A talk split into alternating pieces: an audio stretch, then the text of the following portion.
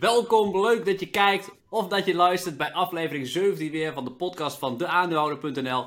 Ik ben Roland Nijboer, beleggingstrainer en naast mij, maar toch zo ver weg, maar het voelt zo dichtbij zoals altijd, Nico Inberg, analist van de aandeelhouder. Nico, welkom en je zit weer op in een nieuwe ruimte volgens mij. Roland, goedemorgen. Nou, ik zit op mijn eigen kantoor en uh, uh, het is natuurlijk vakantieweek, dus de, de, de mensen waar ik mee werk, die zijn of op vakantie of die werken thuis. Dus ik zit hier lekker in mijn uppie, dus ik hoef geen aparte, aparte ruimte af te huren. Kan hier lekker mijn eigen kantoor uh, tekeer gaan.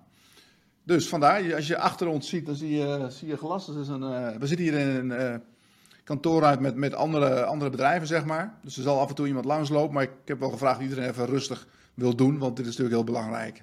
Ja, ja, ja, ja, precies. De wereld zou even stil moeten staan nu. Hey, um, ik, het is inmiddels mei en je kent ongetwijfeld de beurswijsheid van sell in May and go away, but remember to be back in September.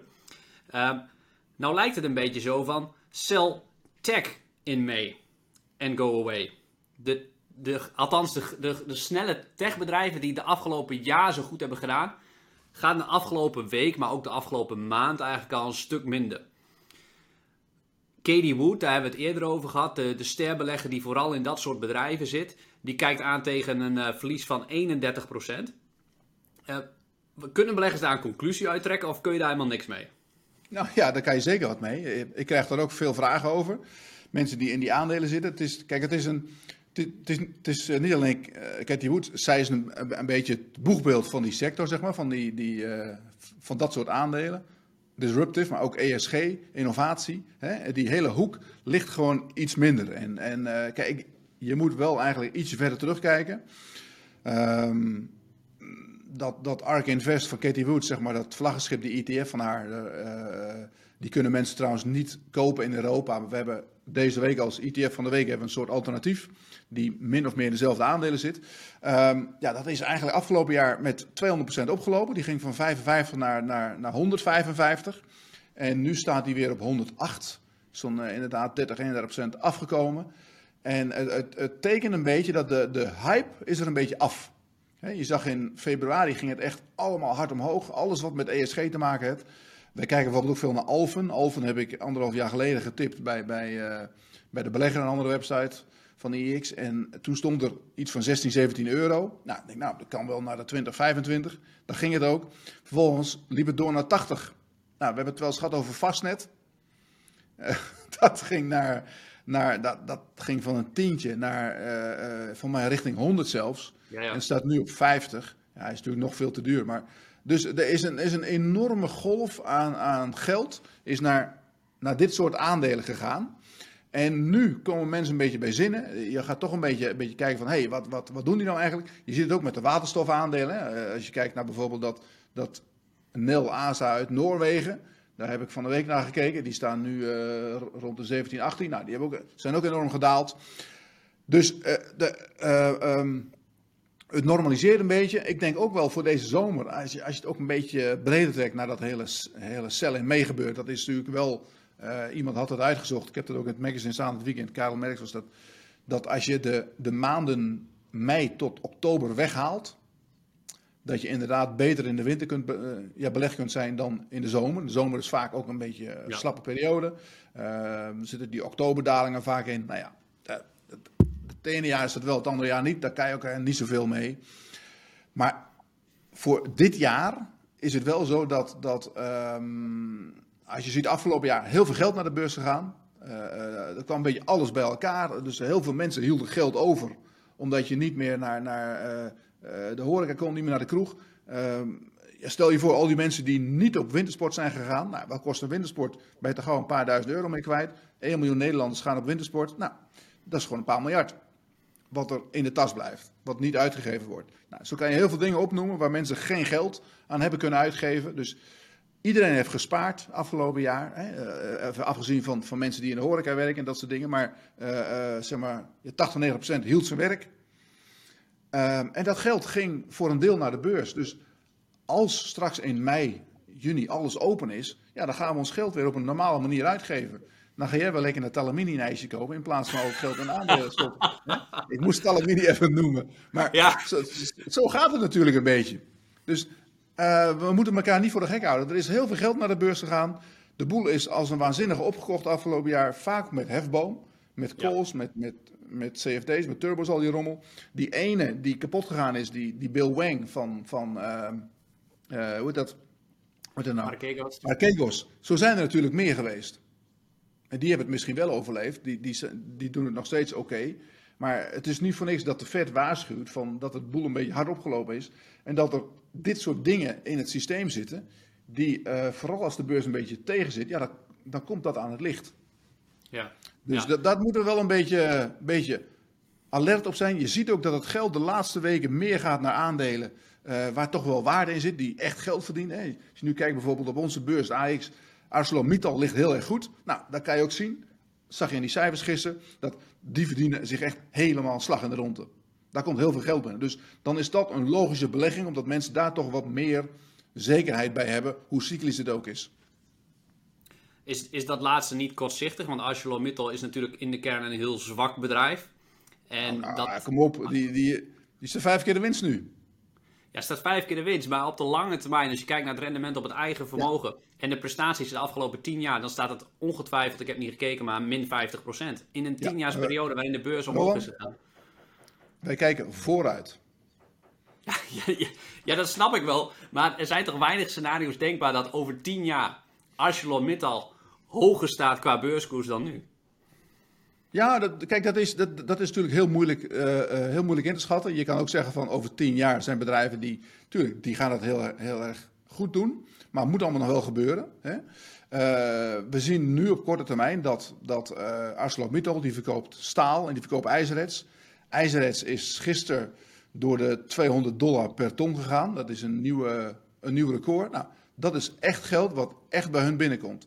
Dan is het de vraag, hè, want je moet natuurlijk inschatten, uh, in hoeverre gaat, want ook dat is een hype, hè? dat is natuurlijk niet normaal dat dat gebeurt, maar dat is wel wat nu aan de hand is. Dus je moet eigenlijk inschatten, in hoeverre denk jij dat het doorgaat? Nou, als het nu, als het zeg maar een jaar aanhoudt, of anderhalf jaar, ja, dan gaan ze geen, geen, uh, geen 6 dollar per aandeel verdienen, maar misschien wel 8 of 9. Dus de, er komt daar in ieder geval op, op korte termijn heel veel geld binnen. En dan zijn er beleggers die willen daarbij zijn bij dat geld. Die willen dat geld pakken. Dus er, komt, er wordt dan waarschijnlijk heel veel geld uitgekeerd aan dividend of aan aandelen inkoop. Nou ja, dan moet je daar misschien heel even zijn. Of voor een half jaar of voor een jaar. Dus ja, dat, dat is inderdaad uh, korte termijn denken. Maar het geld gaat altijd daar naartoe waar het, uh, ja, het makkelijkst je terug te verdienen is. Ja, ja. Nee, dat snap ik wel ja, voor, voor, mij blijft het dan. Je bent eigenlijk aan het speculeren, want je bent afhankelijk van grondstofprijzen. Wil ArcelorMittal een goede belegging ja. zijn? En ja, ik, ik kan dat niet voorspellen, wat, wat, dat, wat daarmee gaat gebeuren. Nee, uh, maar dat kan niemand. Dat kan niemand. Alleen, die, en het, überhaupt voor die grondstofprijzen. Kijk, heel veel mensen willen graag speculeren op die grondstofprijzen. Omdat ze denken, ah, dat gaat hoger. Maar dat is levensgevaarlijk, want je hebt daar geen enkele controle op. Uh, dat staat nu op een record, die ijzerertsprijs. Maar dat kan over een week wel anders zijn, weet ik veel. Dus ik, je kan daar altijd beter, uh, als je dan daar iets mee wil doen. Zeg van, nou, daar valt heel veel geld te verdienen. Kijk, de houtprijs bijvoorbeeld, hè, die is sky high gegaan. Die is geloof ik 350% opgelopen in een jaar tijd. Um, ja, dan moet je eigenlijk, om dan nu nog in die futures te gaan, dat is, dat is waanzin. Maar je kan wel kijken naar bedrijven die, die, die hout leveren. En die dus een, een, een waanzinnig goede tijd beleven. En uh, ook prima uit, uit, uh, uit de voeten kunnen, mocht die houtprijs een keer halveren. Ja, in Nederland hebben we zo'n kleine Acasis Technologies, geloof ik, met duurzaam Axis, hardhout. Axis. Axis, zo spreek je het uit. Uit Arnhem. Ja, ja. Moeten we een keer eigenlijk dat een is wel een rondleiding aandeeltje voor jou. Nee, dat is niet wat voor mij. Het is te kapitaalintensief en, uh, en, en ik denk te zwak. En ik twijfel aan de concurrentiepositie bij dat bedrijf. Uh, maar het Nou. heeft fantastisch gedaan. En het lijkt me leuk, misschien kunnen we dat in de toekomst een keer organiseren. Door die fabriek in Arnhem uh, even een rondleiding met alle kijkers en luisteraars.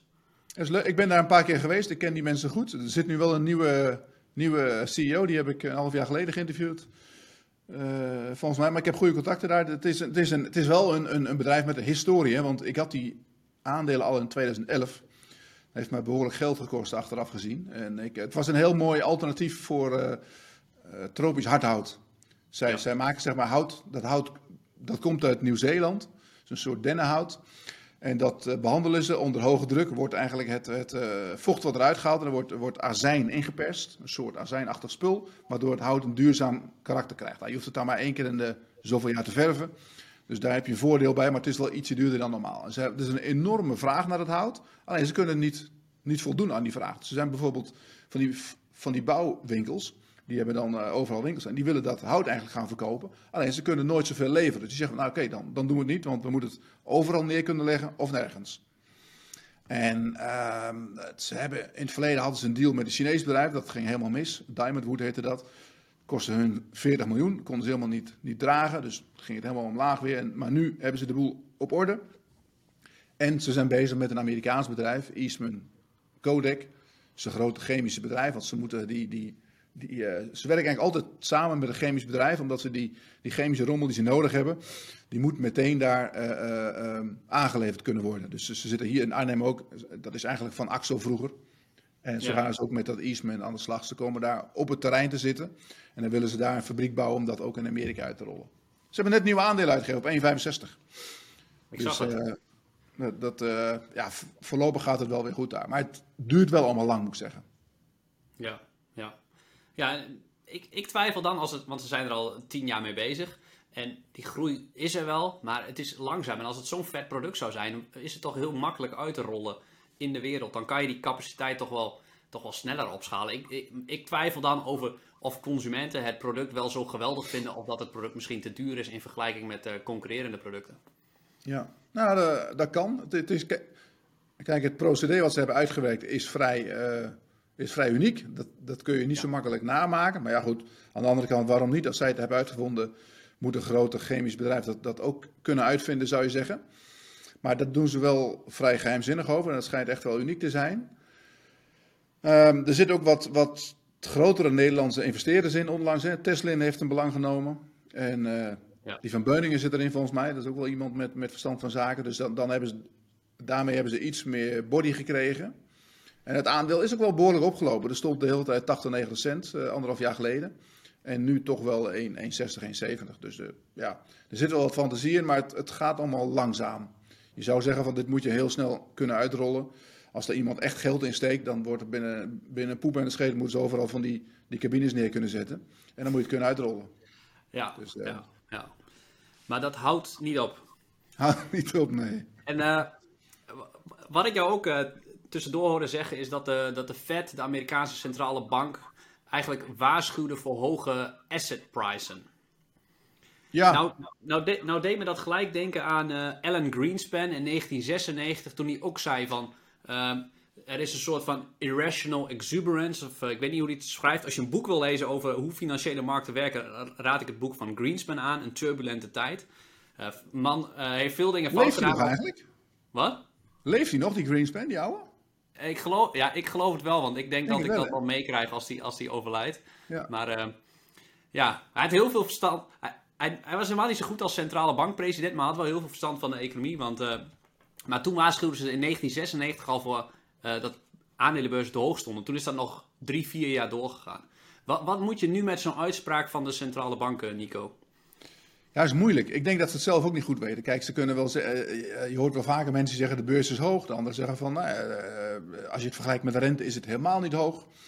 Um, wat je wel, waar ik altijd wel mee, mee, uh, mee bezig ben, is, is liquiditeit.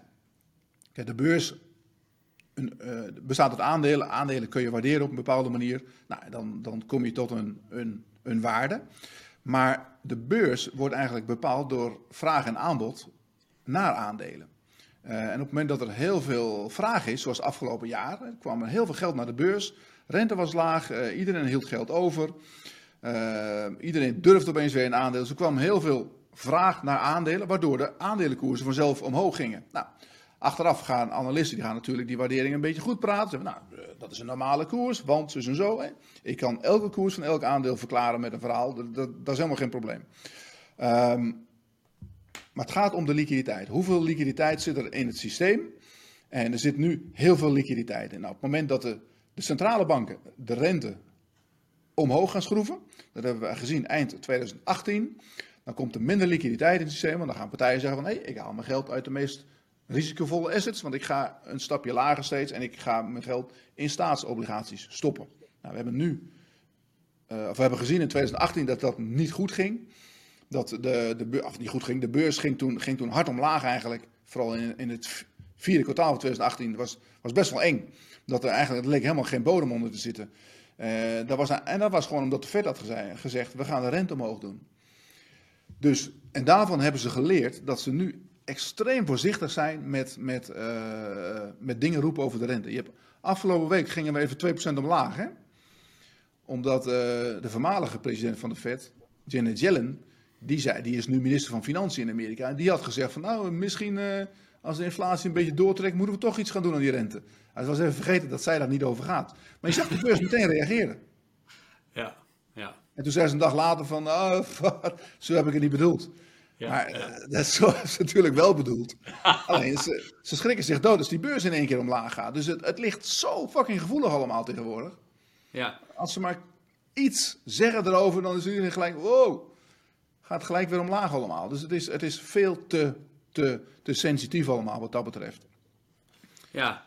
En, en, en ja, mijn podcast deze week gaat over beurswijsheden. En we noemden er aan het begin een sell in May and go away, but remember to be back December. Maar een andere bekende is eigenlijk ook, en die sluit hier mooi bij aan, is don't fight the Fed. Precies. Wat... Uh, en de Fed is de baas. Die is, Kijk, die, dat, die is de baas over de beurs, zeg je eigenlijk? Ja, nee, maar Roland, dat, dat heeft alles te maken met liquiditeit. De Fed gaat over de liquiditeit. Die staan bij de kraan. Als zij de kraan opendraaien, full speed, nou, dan gaat alles omhoog. En als ze de kraan heel voorzichtig dichtdraaien, dan gaat alles weer een beetje omlaag. Dus dat, dat, is, dat is wat het is. En uiteindelijk, kijk, een bedrijf, een aandeel, zoals jij naar een aandeel kijkt, zo, zo zou eigenlijk iedereen naar een aandeel moeten kijken op de langere termijn. Dan heeft, maakt dat niet zo heel veel uit of de rente hoog of laag is. Want bedrijven gaan uiteindelijk, die gaan wel door.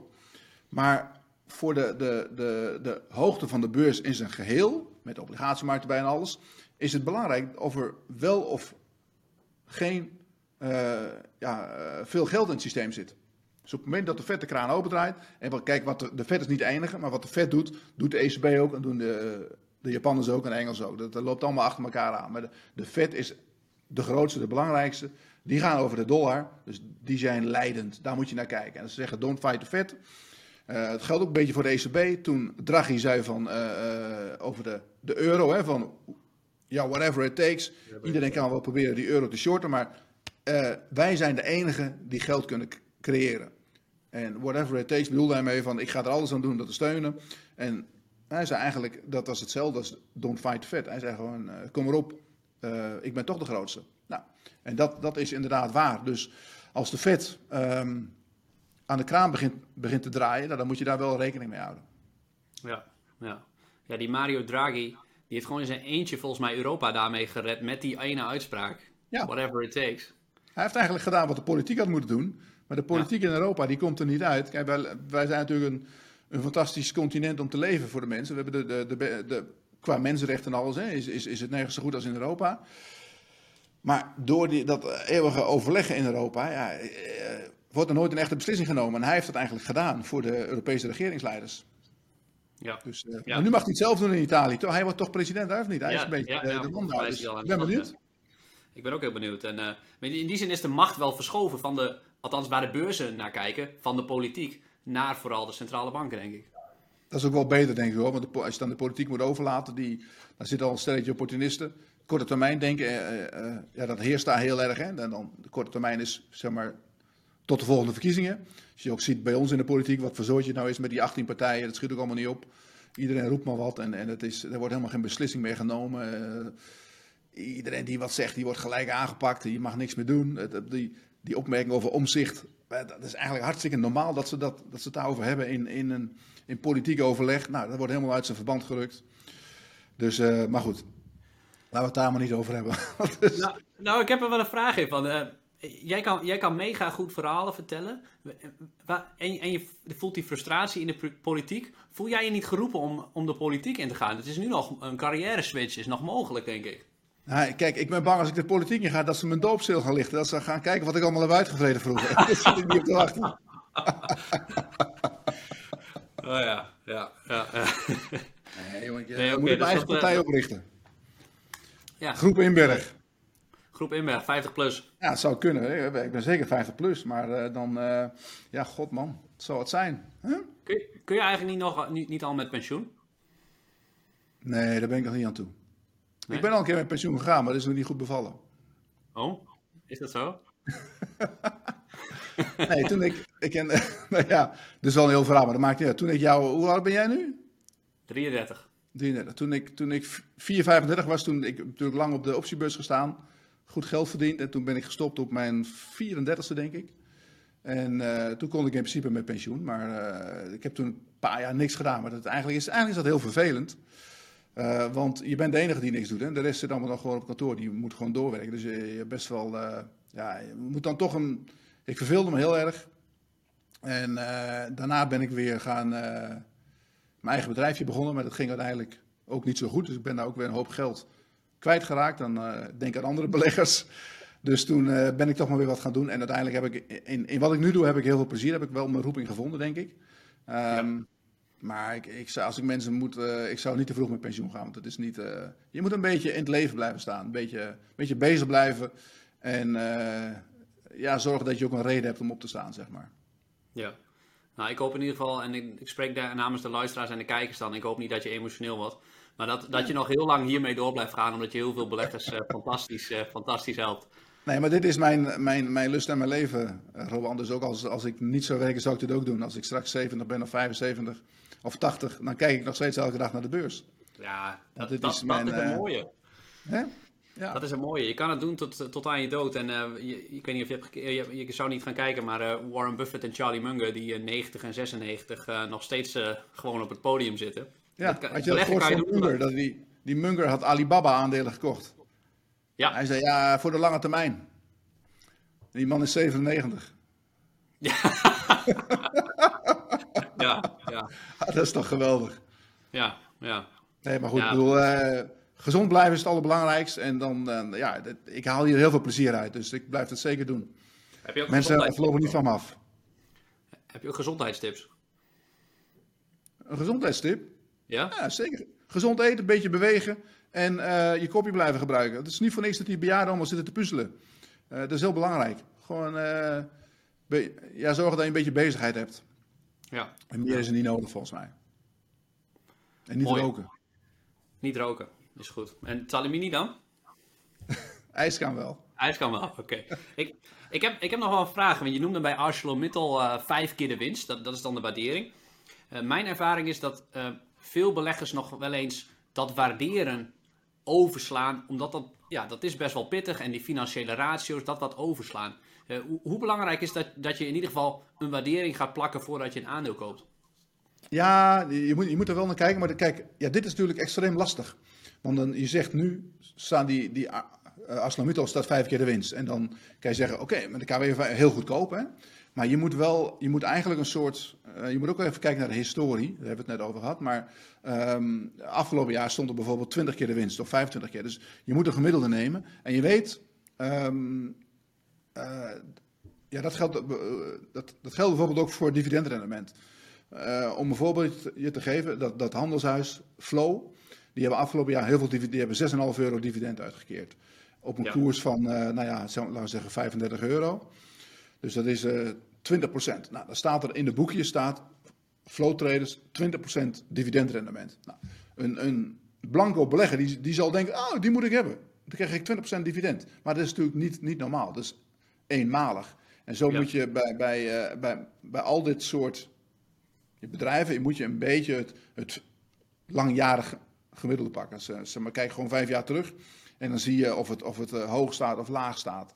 Eh, ik heb zelf ook van die, als ik bijvoorbeeld kijk naar Randstad, het aandeel, dan kijk ik, heb ik gewoon van mezelf in mijn hoofd 40, 60. Als de koers 40 staat, is die goedkoop. Als die 60 staat, is die duur. Hè? En eh, staat nu weer 60. Nou, het gaat nu heel erg goed met Randstad. Eh, afgelopen jaar heeft hij onder de 40 gestaan. Toen ging het, ging wat minder. Ja, dan moet je ze eigenlijk kopen. En je moet, eh, als het heel goed gaat met zo'n bedrijf, wil het niet, niet per se zeggen ja, dat je moet kopen, want dan is hij juist aan de dure kant. Ander mooi voorbeeld is Euronav, dat scheepvaartbedrijf, rederij in België. Heb ik in mijn kop tussen de 7 en de 11. Op 11 is het wel een beetje, een beetje mooi geweest. Op 7 is hij goedkoop. Nu staat hij rond de 7 euro. Eh, maar het gaat hartstikke slecht met bedrijf, omdat die tarieven zijn heel erg laag. Maar dat is tijdelijk. Het gaat altijd op en neer. Dat, eh, die zit natuurlijk op de golf aha, van de, de zee, oceanen.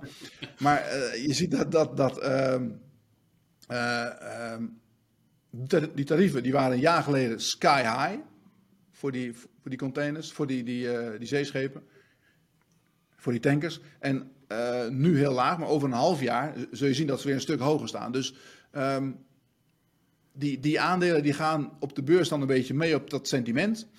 En uh, het is eigenlijk toch best wel raar dat dan de grote groep beleggers die eruit wil, hè, want dat is natuurlijk, die zetten de koers dan lager dat die daar niet doorheen kunnen kijken. Want je moet wel een beetje met een, met een, met een lange termijn blik vooruitkijken en ook achteruit kijken van wat nou precies de oorzaak is dat het aandeel op dat niveau staat. En dan heb je weer het verschil tussen, tussen waarde en tussen prijs. De prijs is laag, want uh, men kan er niet doorheen kijken kennelijk. Men kan niet zien van, nou, op, op een half jaar lopen die tarieven weer op. Dus nu is het een mooi aandeel om te kopen op dit niveau. En um, ja, dat is wel, dat is wel een, een probleem van veel beleggers. Omdat ze denken van, uh, toch, die willen echt nu zien dat het, dat het omhoog gaat en dat, er, dat de koerswinst is. Terwijl je beter kijk, kunt kijken naar de onderliggende waarde van het bedrijf. En afhankelijk daarvan kan je zien, hè, wat het bedrijf eigenlijk waard. En dan, dan kijk je naar de prijs en denk hé, hey, dat staat nu een stuk lager opeens. Dus het is nu wel een mooi moment om in te stappen. Ja, even in uh, vliegensvlug. Uh, ik vind het nog wel leuk om te zeggen, 5 juni organiseer ik uh, de laatste masterclass voor de zomer. En dat gaat echt over financiën en waarderen. Dus als je dat zelf wil, controle over wat je koopt en wat je betaalt. Wat, wat Nico zegt, price is what you pay, value is what you get. 5 juni, dat kan je uh, inschrijven, rolandnijboel.nl slash financiën. Nice. En dan gaan we in één dag online leren waarderen en de belangrijkste financiële ratio's analyseren. En naar de toekomst kijken. Is dat, is dat op een zaterdag? Ja. Oké. Okay. Dan, uh, dan ben je bij de kinderen natuurlijk. Uh, ja, ik denk het wel, maar goed. Uh, misschien is het slecht weer. Hè? Dan zetten we de computer even aan. No worries. Nee, dan gaan we kijken. Leuk. En Nico, heb jij verder nog, nog nieuws of cijfers die je zijn opgevallen of wat er in het magazine komt? Oh man, ja, er gebeurt veel. We hebben, we hebben, we hebben, ik heb echt een overvol magazine dit weekend. Heel erg vol. Um, veel kwartaalcijfers natuurlijk. Hè? Uh, ja, goed. Kijk, wat, wat in algemene zin opvalt, is dat met die kwartaalcijfers dat veel bedrijven hun outlook verhogen. En, uh, maar je ziet dat de beurs er nauwelijks op omhoog gaat. De beurs blijft een beetje kwakkelen. Nou, uh, ik denk ook dat er links en rechts wat geld van tafel gehaald wordt. Vooral bij de tech-aandelen die hard zijn opgelopen. Maar over het algemeen heeft de beurs moeite om verder omhoog te komen. En ik, wat ik net al zei, ik ben, ik ben bang dat, ik weet niet of er over een, een correctie komt of wat dan ook, maar het lijkt erop dat er, dat er minder geld naar de beurs stroomt dan uh, een jaar of een half jaar geleden. En dat betekent dat ja, als er dan toch mensen uit willen, dat die beurs wel gevoelig is voor correcties. Je zag ook hoe makkelijk het omlaag ging. Ja, van de week even naar die, die 2% toen Jellen wat riep.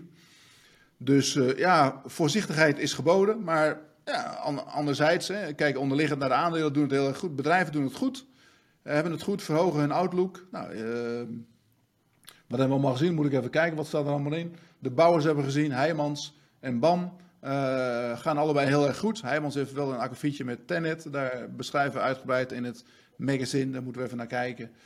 Um, ja, TKH, mooie cijfers. Een mooi bedrijf, hè, TKH. Ging ja, goed. Prachtig, Liep ook wel weer wat op, gelukkig. We hebben DSM, we hebben TKH, Fastnet voor Farmers. KPN, uitgebreid verhaal over KPN. Ik had gisteren iemand van de KPN thuis. Mijn internet was niet goed. Ik woon in een buitengebied. Dat is echt echt drama met internet af en toe. Dus daar moest ik een mannetje voor langs laten komen. En die wist nog meer van het aandeel dan ik. Dus daar hebben we een mooie, mooie case voor gemaakt. Ja. Um, Pakar, ken je dat? Pakar? Ja. Pakar, dus dat, ja. die, die hebben in 1996 DAF gekocht. Daar heb ik uitgebreid naar gekeken. Um, Dogecoin, heb je die ook? Ja, de Doggy, Doggycoin volgens mij. Doggy, uh... nou ja, je moet zeggen Dogecoin. Ja, als je zo? zegt Doggycoin, val je meteen door de mand, Rowan. Dan heb je ze dus niet. Ah. Ja, ik ben, ik, ben, ik, ben, ik ben niet meer die generatie. ik heb, daar okay. hebben we een leuk artikel over. Ik heb er zelf ook een paar gekocht, gewoon just for fun. Uh, dit is geen aanbeveling om te kopen, want het, het slaat helemaal nergens op. Ik denk ook dat ja. het wel weer een keer overgaat, maar ik, ik denk, ik wil toch meemaken wat die, die mensen allemaal, wat nou het, het, het idee erachter is. En de beste manier om dat te ervaren is om een klein beetje geld in te steken. Nou, ik, ik heb voor 1000 euro van die rommel gekocht. En uh, geheel uh, uh, tegen mijn stijl in, maar ze gingen meteen omla- omhoog. Meestal als ik wat koop gaat het eerst even omlaag. Dus, en dit weekend komt, eh, dat is hun grote fantasie, hun, hun, eh, de grote roerganger Elon Musk, jou wel bekend. Die komt op televisie in Amerika bij Saturday Night Live. En ze verwachten dat hij daar eh, de Dogecoin of Dogecoin even gaat, een beetje gaat lopen pluggen. Dus, Oké, waanzin. dus, maar goed, daar heb ik een leuk stukje over. En eh, ja, vooral heel veel kwartaalcijfers. En het, wat ik al zeg, er is, ze doen het eigenlijk allemaal goed. Hè? Eh, de, de meeste bedrijven hebben het een stuk beter. Zelfs ING, de banken zeg maar, die komen er ook weer aan. Ehm, krijgen, hebben een cadeautje gehad van de ECB van een paar honderd miljoen. Zo ja, ik zag het ja. Er gaat Is, is, minder toch, is, geld in is, de... is, is het nog- is toch een bizar, bizarre regeling, eigenlijk? Of, want eigenlijk, Ja, als ik het goed begrijp, is de regeling als volgt. Eh, ING krijgt gewoon een zak met geld als ze heel veel meer uitlenen dan een jaar geleden. Dan krijgen ze 0,5%. Ja, Dus ze zegt, ze, zegt, ja, ze zeggen eigenlijk tegen ING van... eh, ga zoveel mogelijk geld uitlenen. Want dat is voor jezelf heel voordelig. Het is een beetje de vraag of dat werkt. Hè? Kijk, eh, dat is een- inderdaad het idee van de ECB. Zegt van je krijgt korting bij ons. Je krijgt een half procent extra als je, als, je, als je het geld uitleent aan niet-financiële ondernemingen en aan huishoudingen. Nou, eh, dat, dat hebben ze al, die, die regeling loopt al heel lang. Alleen, ja, tot nog toe werkte het niet, omdat die vraag was er helemaal niet. Er waren geen ondernemingen, hadden geen geld nodig. En, en eh, huishouding al helemaal niet. Maar nu komt de boel ineens op gang. En nu hebben ze, eh, is er wel heel veel vraag naar geld. Dus nu kunnen ze dat geld eindelijk kwijt. Dus het is, de ECB die wil, het, die wil het doordrukken op een of andere manier. Maar als die eindvraag er niet is bij de consumenten en de bedrijven. Dan, dan, dan lukt dat niet. Want je gaat geen, geen, geen geld lenen omdat het gratis is. Eh, Je, je gaat geld lenen omdat je het nodig hebt. Dat je ideeën hebt om mee te investeren. En eh, nou, dat, dat komt nu weer op gang. Dus dan kan de, de, alle banken, die, de, grotere banken in Europa, die pakken nu dit voordeel. Maar goed, je moet je, aan de andere kant hebben zij ook heel veel last van die, die, die eh boeterente die ze moeten betalen om daar geld te stallen bij de ECB. En ze hebben last van de lage rente, dus het is, het is een, natuurlijk een druppel op een glo- gloeiende plaat. Maar goed, het is wel 200 miljoen en dat is, eh, nou, ze hadden een netto winst van een miljard. Nou, dan is het toch wel substantieel, zeg maar. Ja. En eh, ja, goed. Eh, voor de banken is het een beetje. Een, het is nu wachten tot ze weer dividend mogen uitkeren. En eh, ja, dat, dat, zij zitten natuurlijk heel erg te wachten op een normalisering van de, de maatschappij, van het economisch leven weer. Waardoor ze eindelijk goed kunnen inschatten hoeveel het hun nu eigenlijk gaat kosten. Hè. Ze hebben ja, miljarden opzij gezet eh, voor de, de, de mm, bedrijven die eventueel ja, failliet gaan straks. En eh, daar kunnen ze nog niet goed een inschatting van maken hoe erg dat nu precies is. Ze verwachten wel dat wanneer de overheid straks de, de steunmaatregelen staakt, dat dan toch wel een hoop mensen, een hoop bedrijfjes nog ja, failliet zullen gaan. Ik denk ook wel dat, dat voor, winkeliers bijvoorbeeld, hè, die, die ehm, nu heel veel, die moesten natuurlijk dicht. Nou, die gaan nu weer open en die hebben nu even een, een, een op korte termijn enorme toeloop van mensen. Maar uiteindelijk denk ik toch dat, dat heel veel mensen wel eh, opeens eh, online gaan bestellen. Dus die, die blijven online bezig. Dus die totale markt van mensen die naar de winkel gaat, ja, die wordt gewoon kleiner. En eh, als dat inderdaad zo is, dan zullen straks weer een aantal winkels, en met name in de fashion, schoenenzaken, ja, die gaan dan toch weer kapot. Ja. Omdat die vraag er gewoon niet meer is. Mensen vinden het nu wel leuk om even te gaan winkelen. Eh, die hebben dat natuurlijk gemist. Maar op de langere termijn is de trend van online shoppen, die zet gewoon door en die heeft natuurlijk een versnelling gehad. Dus ja, ik denk dat die markt straks weer een stukje kleiner is. Ben jij eigenlijk een online shopper of een, eh, ga je liefst naar de winkelstraat? Ik heb een bloedhekel aan winkelen. Echt. Helemaal met z'n tweeën. Ja, eh, kijk, en vroeger had je nog met, met mijn, mijn ex-vrouw vroeger, dan gingen we winkelen en dan ging ik, had je vaak in die, in die winkels had je er wel een stoel staan, dan kon de man daar gaan zitten. Ja. Kon je ja. gewoon zitten wachten, weet je wel. Of je gewoon even... eh, Mijn vader bijvoorbeeld vroeger, die bleef gewoon in de auto zitten. Die nam, die nam een krant mee en een stuk Mars. En dan zat hij gewoon een uur op een parkeerplaats bij een, eh, in Meppel. En dan ging hij krantje lezen. Tot we terugkwamen. Dat wil ik eigenlijk ook doen. Dat lijkt me fantastisch. Ja. Oh, daar kom, Nee, ik, dat- kom ik echt niet meer weg. Dat is... Dus- eh, Ja, voor mij is online winkelen wel een uitkomst. Maar eh, ik heb überhaupt hekel aan winkelen. Ja. Misschien moeten we een keer samen afspreken met onze beide vriendinnen. En dan naar dezelfde stad. En dan gaan, wij gewoon lekker op het terras zitten. Ja, nou dat kan. Dat, kan. dat, dat lijkt me een goed idee. Dan eh, wachten we gewoon rustig af en dan zien we het wel. En dan zeggen dat alles mooi staat en zo. Dat soort, dat soort dingen. Dat zeg ik sowieso. Ja. Oké. Nico, nog een slotpleidooi, anders gaan we afsluiten. Ja, voor deze week, eh, wat, eh, wat kunnen we doen? Wij, eh, we kijken uit naar volgende. Ik vind het leuk, er komen natuurlijk heel veel kwartaalcij- kwartaalcijfers weer. Voor volgende week ehm, ben ik heel benieuwd naar ABN, hoe dat gaat. Niet zozeer, die cijfers zullen wel oké zijn, maar hoe het wordt ontvangen. We krijgen Ahold, we krijgen Alphen. De, ehm, ja, er gebeurt best veel, dus we gaan kijken hoe dat, hoe dat uitpakt. Beurs is een beetje aan, aan, het, aan het voortmodderen, schiet niet erg op allemaal. Maar we moeten eerst maar eens door al deze kwartaalcijfers heen en dan zien we wel weer verder. Is goed. Is Yes. goed. Wij, krijgen, wij krijgen binnenkort directeur eh, strategie van Alphen eh, in de podcast. Dus eh, daar ben ik ook erg benieuwd naar. Oké, Ja. nou leuk. Ja, nou kijk, dat, dat bedrijf gaat natuurlijk hartstikke goed. Alleen, wat, wat ik niet, niet begrijp van hun, is dat zij geen extra aandelen hebben uitgegeven op, op, op 70, 80 euro. Je moet, Ja. Die, die mensen moeten toch ook weten dat die aandelenkoers, dat het, dat het waanzin is, dat het zo hoog staat. Dat hebben ze bij Fastnet heel goed gedaan. Die hebben Ja, gewoon aandelen ja. uitgegeven op, op 80 euro. Ja, misschien niet zo netjes naar jouw eh, aandeelhouders die dat moment erin stappen. Maar je, je verzekert wel als, als bedrijf een heel goed, groot deel van je toekomst. Ja. En als er mensen zo gek zijn om dat te gaan betalen voor jouw aandeel, het is een vrije keuze. Hè? En het zijn niet de particulieren die dat kopen, het zijn de instituten, de, de, de, de professionals die dat geld betalen. Die, die zo idioot zijn om eh 80 euro te betalen voor, eh voor vastnet.